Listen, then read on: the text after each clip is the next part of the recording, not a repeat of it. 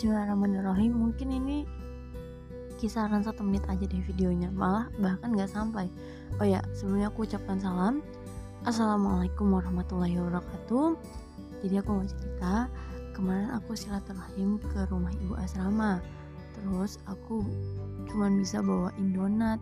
Nah di mana donat itu tuh aku jarang banget buat beli apalagi makan. Lalu aku bergumam aku bilang gini ketika kita memberikan kepada seseorang itu pasti memberikan yang terbaik. Meskipun kita tidak pernah merasakan hal itu. Terus kata temanku maksudnya? Lalu dia paham kan arah pembicaraanku ke mana baru dia bilang gini hei katanya jangan pernah sekali-kali mengingat kebaikanmu.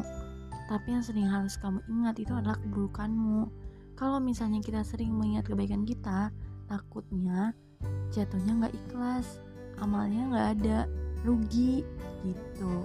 Eh nyampe satu menit